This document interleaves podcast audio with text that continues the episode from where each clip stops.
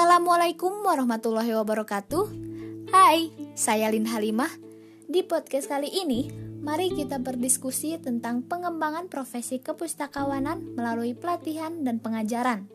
Nah, sebelum kita mengulas materi tentang pengembangan profesi kepustakawanan melalui pelatihan dan pengajaran ini, perlu kita ketahui bahwa kegiatan pustakawan diselenggarakan dalam rangka pengamalan ilmu pengetahuan dan teknologi, serta keterampilan untuk meningkatkan mutu dan profesionalisme bidang kepustakawanan, maupun dalam rangka menghasilkan sesuatu yang bermanfaat bagi peningkatan mutu layanan perpustakaan.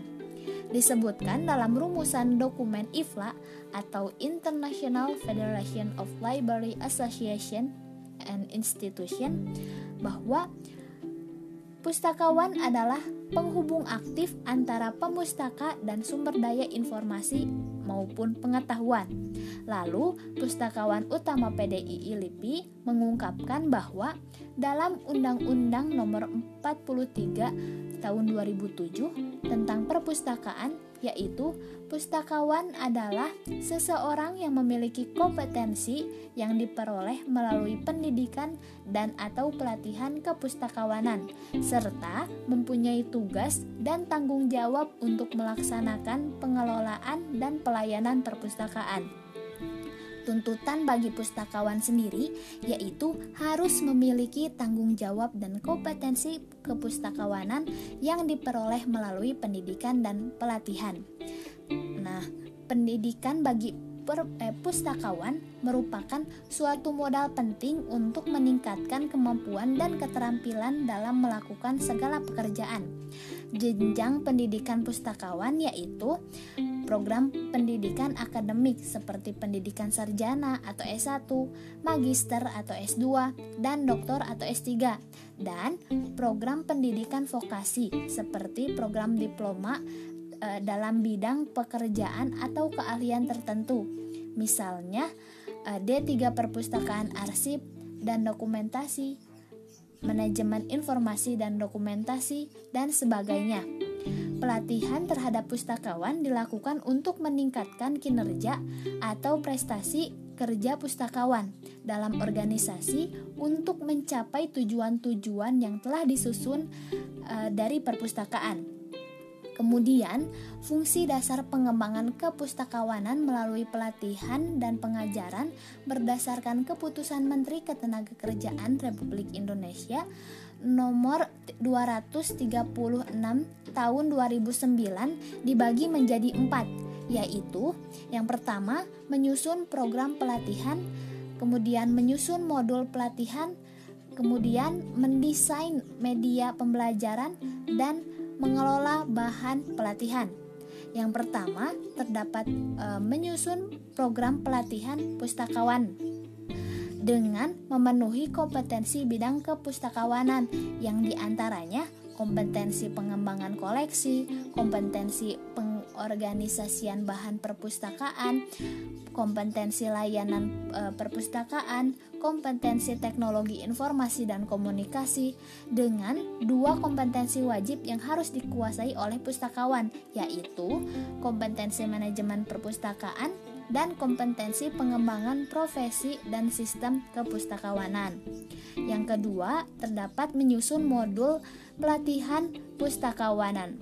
Salah satu kegiatan yang telah diselenggarakan oleh Perpusnas yaitu dengan membawakan tema pengembangan program diklat online kepustakawanan berbasis e-learning berdasarkan peraturan Lembaga Administrasi Negara nomor 8 tahun 2018 tentang pedoman pengembangan kompetensi melalui e-learning.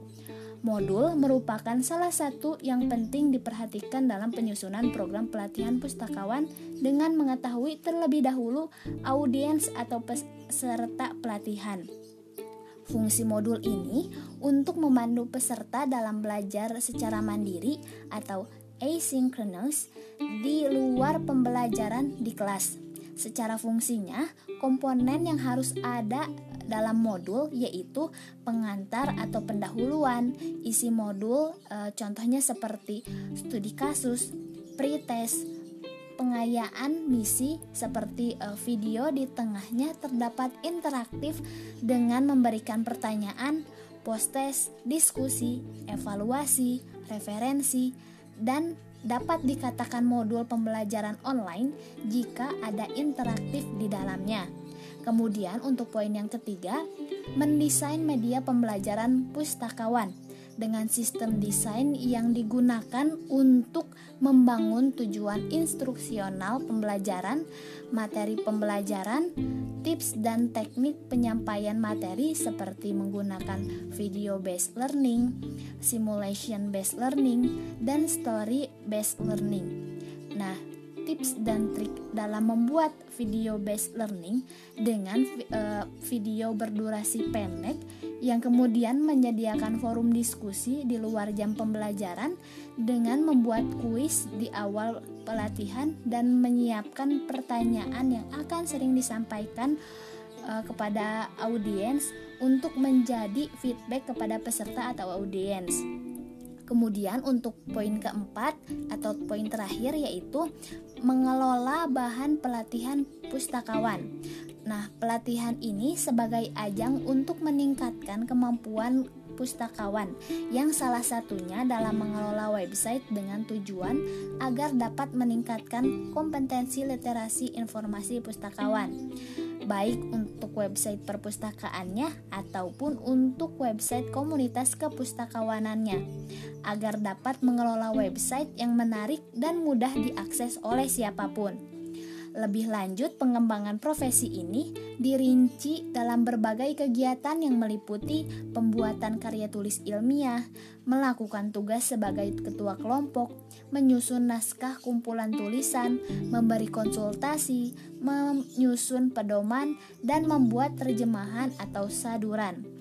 Dalam era global sekarang, lingkup internasional menjadi salah satu faktor yang harus dipertimbangkan dalam melaksanakan pengembangan profesi kepustakawanan melalui pelatihan dan pengajaran ini. Persaingan pustakawan secara internasional menjadi sangat terbuka. Oleh karena itu, diperlukan kompetensi nasional yang mampu bertanding. Kompetensi dasar pustakawan diperoleh setelah seseorang uh, memiliki ilmu dasar perpustakaan serta melakukan praktik di perpustakaan untuk masa tertentu.